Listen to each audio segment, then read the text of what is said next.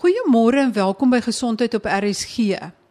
Ons gesels vandag oor beengroeiprobleme en spesifiek in die onderste ledemate wat kinders kan ondervind en veral kinders wat dan in hulle puberteit vinnig groei of baie oefening doen. Ek gesels met dokter Callie Ackerman. Hy's 'n ortopeed by Netcare Blouberg Hospitaal en hy was baie lank in Kanada en het daar as 'n ortopediese chirurg gepraktiseer. Dokter Ackerman, sien julle meer gevalle van kinders wat probleme ontwikkel in hierdie jare as 20 en 30 jaar terug? Eh, ons praat nou op groot internasionale forums uh van heupsiektes oor die probleem uh van groeiplaatbeserings uh, en die invloed van sport en ooraktiwiteit in die jong kinders wat dan lei tot 'n epidemie van heupsiektes. Die nommers gaan van die skale af hoeveel jong mense nou heupvervangings nodig het. Uh jong mense wat benige oop operasies uh, of artroskopiese chirurgie nodig het vir probleme wat waarskynlik veroorsaak is deur oefening in die jong kindergroepe. Ek was nou 'n paar jaar gelede op 'n uh, heup simposium in Switserland waar dit een van die besprekingspunte was hoe om uh, die sportmense te benader en die, die coaches te benader en om uh, die skole te benader hoe, hoe om um, planne te maak om die optrede van mense in sport uh, te verander in 'n positiewe manier om nie die kinders se gewrigte te beseer nie. Vertel vir my meer net om 'n basis te vorm van hoe groei been dat ons later kan verstaan wat verkeerd loop as iets nie reg is nie. As jy miskien net vinnig kan verduidelik die fisiologie van beengroei. Die bene groei gewoonlik in plate en groei senters waar ons dan 'n uh, been kry en aan die einde van die been is daar dan kraakbeen gedeeltes wat die mens nie so op ekstra hulle kan sien in die klein kinders nie. En soos hulle dan ouer word en kruip en later opstaan en stap, dan ontwikkel daai gewrigte en vorm daar beensenters soos uh, in die heup sal daar dan nou 'n uh, kop en 'n groter trogante ontwikkel waar daar benige gedeeltes is en kraakbenige gedeeltes en die kraakbenige gedeeltes groei dan nog. So soos die kinders dan groter raak en die gewrigte stres, vorm dit dan om die funksie te hê wat 'n normale heup of 'n normale knie of enkel dan sal hê. Maar wat ons dan nou sien is dat uh, jong kinders as hulle op hierdie sensitiewe tye waar hulle vinnige groei ondervind in die gewrigte as hulle dan te veel stres oor die gewrigte plaas kan daardie groeiplate of daai kraakbenige gedeeltes seer kry en dan kan 'n abnormale groei plaasvind in daai groeisones wat dan tot biomeganiese probleme kan lei en in die heup spesifiek kan dit dan lei tot beklemming van die heup wat dan uh, op 'n vroeë ouderdom kan lei tot pyn met uh, oefening kan selfs die gevolg hê dat die kop kan afgly van die duibeen wat ons dan 'n um, sofie of 'n geglyde epifise noem. Ook die groei areas tussen die kop en die trogante kan saamgroei wat dan 'n deformiteit kan ontwikkel dat die heup kan beklem en die labrum of die kraakbeen in die heup beskadig wat dan later tot artritis sal lei op 'n jong ouderdom as dit nie uh, behandel word uh, met 'n chirurgiese prosedure nie. Met ander woorde, 'n kind kan normaal gebore word, geen probleme hê nie en dan is hy hierso in sy tienerjare daai vreeslike groeifase binne gaan dan kan daar iets verkeerd loop en soos jy nou verduidelik het veral in die heup, maar is dit spesifieke oefening of is dit net te veel oefening? En hoe kom mens dit agter? Wat is die simptome? Die simptome van die probleme in in die heupe is uh, baie keer net uh, ongemak uh, of pyn in die bobeen of selfs die knie die ou mense het altyd gepraat van groeipyne. So daar's baie kinders wat vir ons sê hulle kan glad nie onthou dat hulle pyn gehad het nie, maar toe hulle 11 of 12 of 13 jaar oud was, het hulle baie groeipyne gehad en dat oupa of ouma nou maar goed ingevryf in die bene of hulle het 'n bietjie aspirine gedrink en dan het hulle beter geword. So dis baie keer al simptome wat daar is. Baie keer sal van die kinders net voel hulle is styf of die bene beweeg nie lekker nie. En die groot probleem is baie keer dan gaan die kinders selfs na 'n fisioterapeut of 'n chiropraktisyn of 'n familiedokter of selfs 'n sportdokter met kniepyn en as die praktisyn nie baie mooi die heup ondersoek nie kan 'n mens maklik mis dat daar 'n probleem in die heup is van die kind het net kniepyn. So dit kan 'n baie slijmerende presentasie wees. Die groot ding is maar is dat uh, ons inligting gee vir almal wat na sportmense kyk en na kinders kyk, uh, selfs die afrigters en die onderwysers en die ouers, dat hulle weet dat heupprobleme en groeiprobleme in die heup kan wegsteek as kniepyn of duipyn. Kom dit meer onder seuns voor as onder meisies? Indien dit meer onder seuns is, is dit omdat hulle meer aktief is. Dit was tradisioneel meer 'n probleem in seuns omdat die seuns soveel meer aktief was. Maar die laaste paar dekades is meisies net so aktief soos seuns uh, met sokker en hokkie en netbal en en allerlei kompeterende sporte. Die voorkoms is is eweveel tussen seuns en meisies. 'n uh, heup displasie uh, wat eintlik maar 'n uh, vlak socket uh, in die heup is kom meer in meisies voor uh, waar uh, sekere van die beklemmingssindrome meer in seuns voorkom uh, en dan uh, ook as die kop van die femur afgly gebeur meer in vetsigtige seuns maar ook in dogters. So dit is baie meer nou dat dit in al twee geslagte voorkom. Kan julle dit dan met 'n ekstraal gewone ekstraal sien en wat presies sien julle of is daar 'n CT scan of 'n ander tipe skandering nodig? meeste van die kinders kan gediagnoseer word met 'n goeie kliniese ondersoek. So as die ondersoekende dokter of fisioterapeut weet om die kind se heup te ondersoek, kan baie van die tekens opgetel word. En dan goeie ekstrale wat deur 'n radioloog gelees word wat opleiding in muskuloskeletale eh, radiologie het, kan ook baie van die tekens optel. Daar moet spesifieke metings gedoen word want ongelukkig word baie van die kondisies gemis as 'n uh, algemene ortopede of algemene familiedokters na die ekstrale kyk of 'n algemene radioloog wat dit as 'n normale heup ekstraal sal rapporteer as daar dan wel subtiele tekens is wat uh, geringe displasie of uh, impingement of beklemmingssindrome sal aandui. Ek wil net weer terugkom na die oorsaak toe en amper fisiologies daarna kyk. Is dit omdat dit te vinnig groei wat daar ekstra been vorm of knyp ergens iets vas dat daar nie genoeg bloedvoorsiening is nie? Wat is die rede vir die abnormaliteite wat ontwikkel? Een van die groot redes wat ons sien wat voorkombaar is, is as 'n normale gewrig te veel aktiwiteit en stres opkry in daai sensitiewe vinnige groei tye.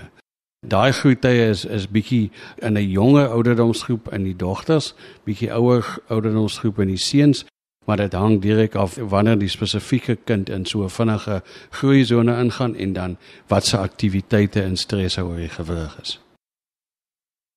En as jy dit nou gediagnoseer het, wat kan jy dan daaromtrent doen? Eerstens as dan nog nie baie skade gedoen is nie, eh, dan kan 'n mens net die aktiwiteite aanpas. So as daar eh, subkliniese besering van die groeiplaat is, kan mens die pasiënt of die kind moet kom met krikke laat loop, eh, 'n uh, paar dae beter is, dan net uh, om aan die gang kry en aan die gang hou met oefeninge en net die aktiwiteite wat die pyn veroorsaak vir my. As daar klaar geringe skade en verplasing van die groeiplate plaasgevind het, kan 'n mens dit net in daai posisie fikseer of 'n mens kan die verplaaste areas gaan rediseer, so met ander woorde dit terugsit waar dit behoort te wees en dit dan chirurgies korrigeer. Is daar in hierdie gevalle soms 'n heupvervanging nodig of is dit nie so drasties nie? Dit is gewoonlik nie so drasties nie. Ons uh, stel glad nie heup vervangings voor in kinders met oop groeiplate nie. So uh, daar word heup vervangings gedoen op mense wat al hoe jonger is as daar onherstelbare skade is. Die groot doel en hoop wat ek vir die praatjie het, is dat mense bewus sal wees van uh, hierdie oefenings geïndiseerde beserings van gewrigte in kinders, dat dit eerder vermy sal word, maar as daar dan simptome is of die kinders begin pyn in die in die bobene of die heupe of die knie kry, laat dit vroeg erken sal word, uh, want dan kan daar behandelingsopsies wees wat artritis sal voorkom en dan uh, wat 'n heupvervanging onnodig sal maak. Is daar spesifieke soorte sport wat slegter is vir dit en is daar sporte wat beter is, byvoorbeeld swem? Ek dink uh, die verskillende sporte sal verskillende ladings op verskillende gewrigte plaas. So swem is beter vir die heupe en die knieë uh, as sê maar rugby en sokker uh, en langafstand hardloop. Die groot ding is maar die die gewig draande aktiwiteite wat hardloop en kontaksport uh, en ekstreme posisies uh, op die heup sal stres plaas is maar wat die skade sal doen aan die groeiplate in daai sensitiwiteit. Swem het nou weer meer stres op die skouers en die elmboë en dan uh, die gooi sporte weer op die elmboog. So daar is maar 'n uh, hele klomp oor oefen beserings wat 'n mens om al die gewrigte kan kry. Ek het meer kennis van die heup en die knie uh, beserings in jong kinders, maar daar is dieselfde tipe beserings in die rug en die skouers en die elmboë en die nie gewigdraande oefeningsgroepe ook. Dit klink vir my dat matigheid soos met eet ook eintlik die antwoord dalk is. Absoluut. Ja, ek dink net die kompeterende aard van die sporte in die jong mense en in die kinders as daar net 'n bietjie kan ontspan word uh, oor daai wenmotief en eerder die groter prentjie sien en sien dat die kind kan dalk vir nog 20 of 30 jaar sport op 'n baie hoë vlak doen as hy net die kans gegee word om in daai spesifieke tye wat hy vinnig groei wat hy ongemak ontwikkel in sy gewrig te laat hy net dan 'n kans kan kry om te rus eerder ander uh, oefeninge te doen wat nie seer maak nie wat die gewrigte kans sal gee om um, te ontwikkel en gesond te wees dan kan hy waarskynlik dieselfde aktiwiteite net 6 maande of 'n jaar later doen sonder enige probleme of nadelige effekte. Wat is Osgood-Schlatter syndroom? Ja, Osgood-Schlatter's disease uh, is 'n toestand wat ook maar in die uh, aktiewe kinders voorkom uh, ook gewoonlik in die daai vinnige groei tyd waar die uh, die spiere van die bobeen uh, sterk genoeg is uh, om die patella tendon wat op die tibia aanplant uh, los te trek. En ons dink daar kom mikrofraktuurtjies of klein skeurtjies waar die tendon in die been implant en dan kan dit later ook uh, klein stukkies been op ekstraal wys en dis dan baie seer veral as as hulle kniel op hulle bene of daai eksplosiewe uh, hardloop of wegtrek aktiwiteite doen. En uh, daar's nou baie verskillende behandelingsmetodes voorgestel uh, medikasie um, inspuitings um, bestraling ultraferensie fisioterapie um, bande en braces En die groot ding is maar uh, om uh, die aktiwiteite te stop, uh, die been te eleveer, te rus en te eis en 'n bietjie anti-inflammatoriese medikasie te gebruik. Bitter selde is dit nodig om enige chirurgie te um, oorweeg. Dit is seker vir minder as 'n persent van daai kinders wat 'n uh, los stukkie been vorm wat uh, nadat hulle ophou groei het nog vir hulle 'n probleem sal gee wat mens dan kan verwyder Uh, maar um, oor die jare het daai behandeling nie eintlik verander nie. Dokter Ackerman, baie keer word 'n baba gebore met sy heupe wat nie 100% reg in die potjie is nie. Is dit een van die probleme waarmee 'n babatjie met beenprobleme gebore kan word en wat word deesdae daarmee gedoen? Het dit 'n spesifieke naam en kan mense dit behandel? Ja, e, ek dink gelukkig in die ehm um, moderne tye is daar uh, baie goeie screening programme, jammer nou vir die Engelse woord, waar siftings ehm um, prosedures. So al die babas wat gebore word kry 'n uh, spesifieke ondersoeke wat mens klinies op hulle doen om te sien of die heupe in die regte posisie is of dit gedislokeer is en of dit dislokeerbaar is. Dan as daar sekere van daai toetse abnormaal is, word hulle uh, gewoonlik vir 'n ultraklank gestuur uh, of na uh, 'n uh, ortopeed of 'n pediatriese ortopeed verwys wat ook aan hulle neem om te sien of die heupies uh, gelokeer is in die gewrigte, so of die balletjie in die socket is. Uh en as dit uitkom dan kan hulle um, in spalkies gesit word uh, sodat die um, kop van die femur binne in die onderontwikkelde socket bly. Uh, dan ontwikkel die uh, die socket of die acetabulum redelik normaal maar daai kinders word dan opgevolg deur die kinderjare en uh, tot in die adolessente jare om seker te maak dat die heup goed ontwikkel. En dan is daar nog steeds kinders wat ten spyte van die goeie behandeling om die gewrigte in die socket te hou, ehm um, wat die heupe dan nog steeds displasties is wat dan sal lei tot pyn en later artritis. En daar is chirurgiese behandeling vir dit. Daar is baie kinders wat gebore word met 'n gedislokeerde heup wat die heupies nie gereduseer of nie in die sockets kan kom sonder om 'n oop reduksie te doen nie en die pediatriese ortopede sal dan uh, tipies uh, tussen 1 en 2 jaar ouderdom die heupies chirurgies in die sockets of in die plek van die socket gaan sit sodat daai heupe kan ontwikkel en dan is daar ook chirurgiese prosedure om 'n socket te bou of om die kop te bedek. Maar die groot doel is maar om die kinders aktief te hou laat hulle uh, heupe het wat ontwikkel en as mens dan sien dat daai heupe um, dislokeerbaar is of subluxeer dat mense dan sal stabiliseer uh, met chirurgie. Ek het al gesien 'n babietjie met 'n babietjie dan soos 'n so oop been soos 'n paddatjie lê met die spalkie aan. Maar toe dink ek as uh, mense hulle babas abba dan in die beentjies is so oopgespalk is dit amper soos 'n natuurlike spalkie wat die kind in is. Ja, ons noem daai paraspalkies 'n Pavlik harnas.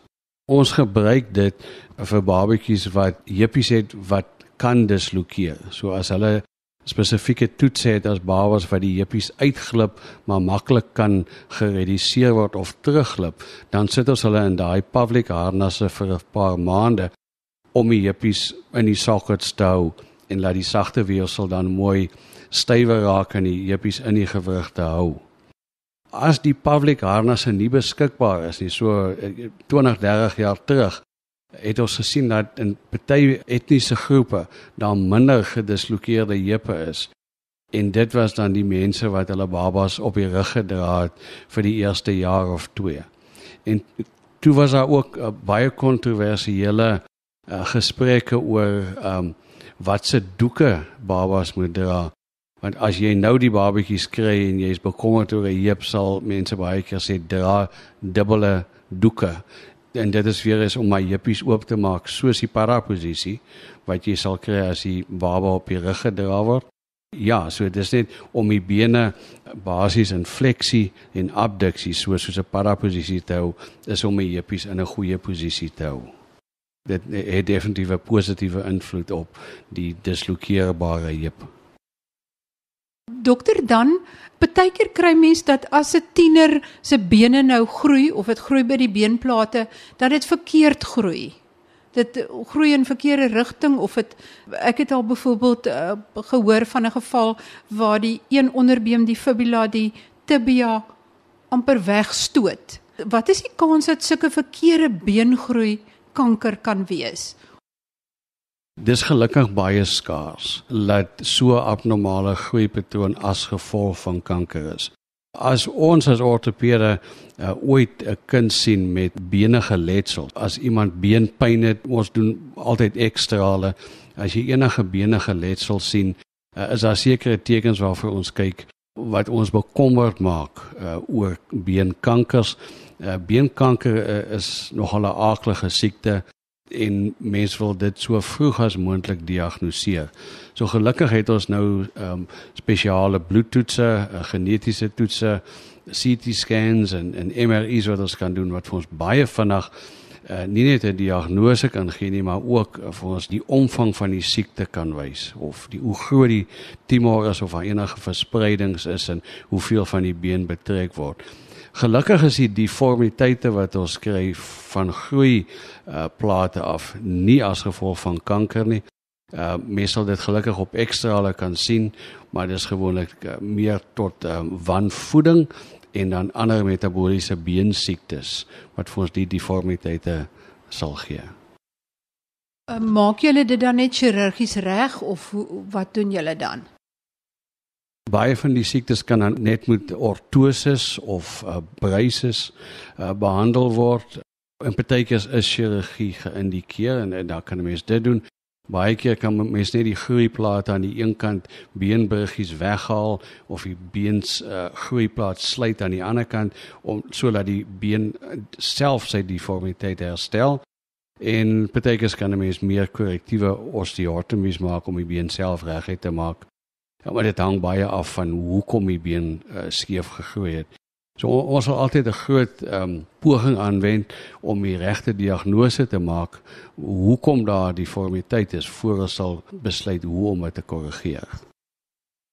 Het enige sportbymiddels of uh, anaboliese steroïde of kreatien of proteïnaanvullers het enige van daai invloed dat dit dalk die spiere te sterk maak en dan beenskade veroorsaak of enige invloed op 'n kind of 'n tiener wat daai middels gebruik?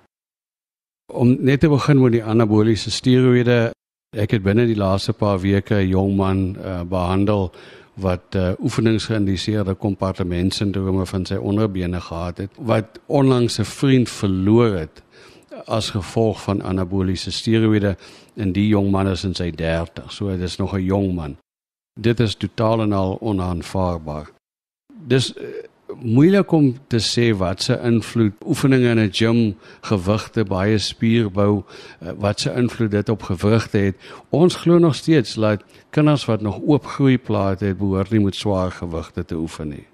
En die groot ding wat ons weet, maar dit is baie moeilik om te bewys, is dat die effek van kompeterende oefening wel die slegte veranderings het wat ons vermoed. Ons weet dat daar baie mense is wat vir baie jare lang afstande hardloop en pragtige gesonde gewrigte het.